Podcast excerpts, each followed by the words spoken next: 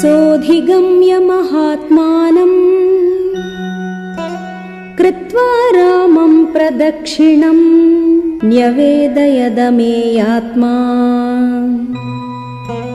दृष्टासीतेति तत्त्वतः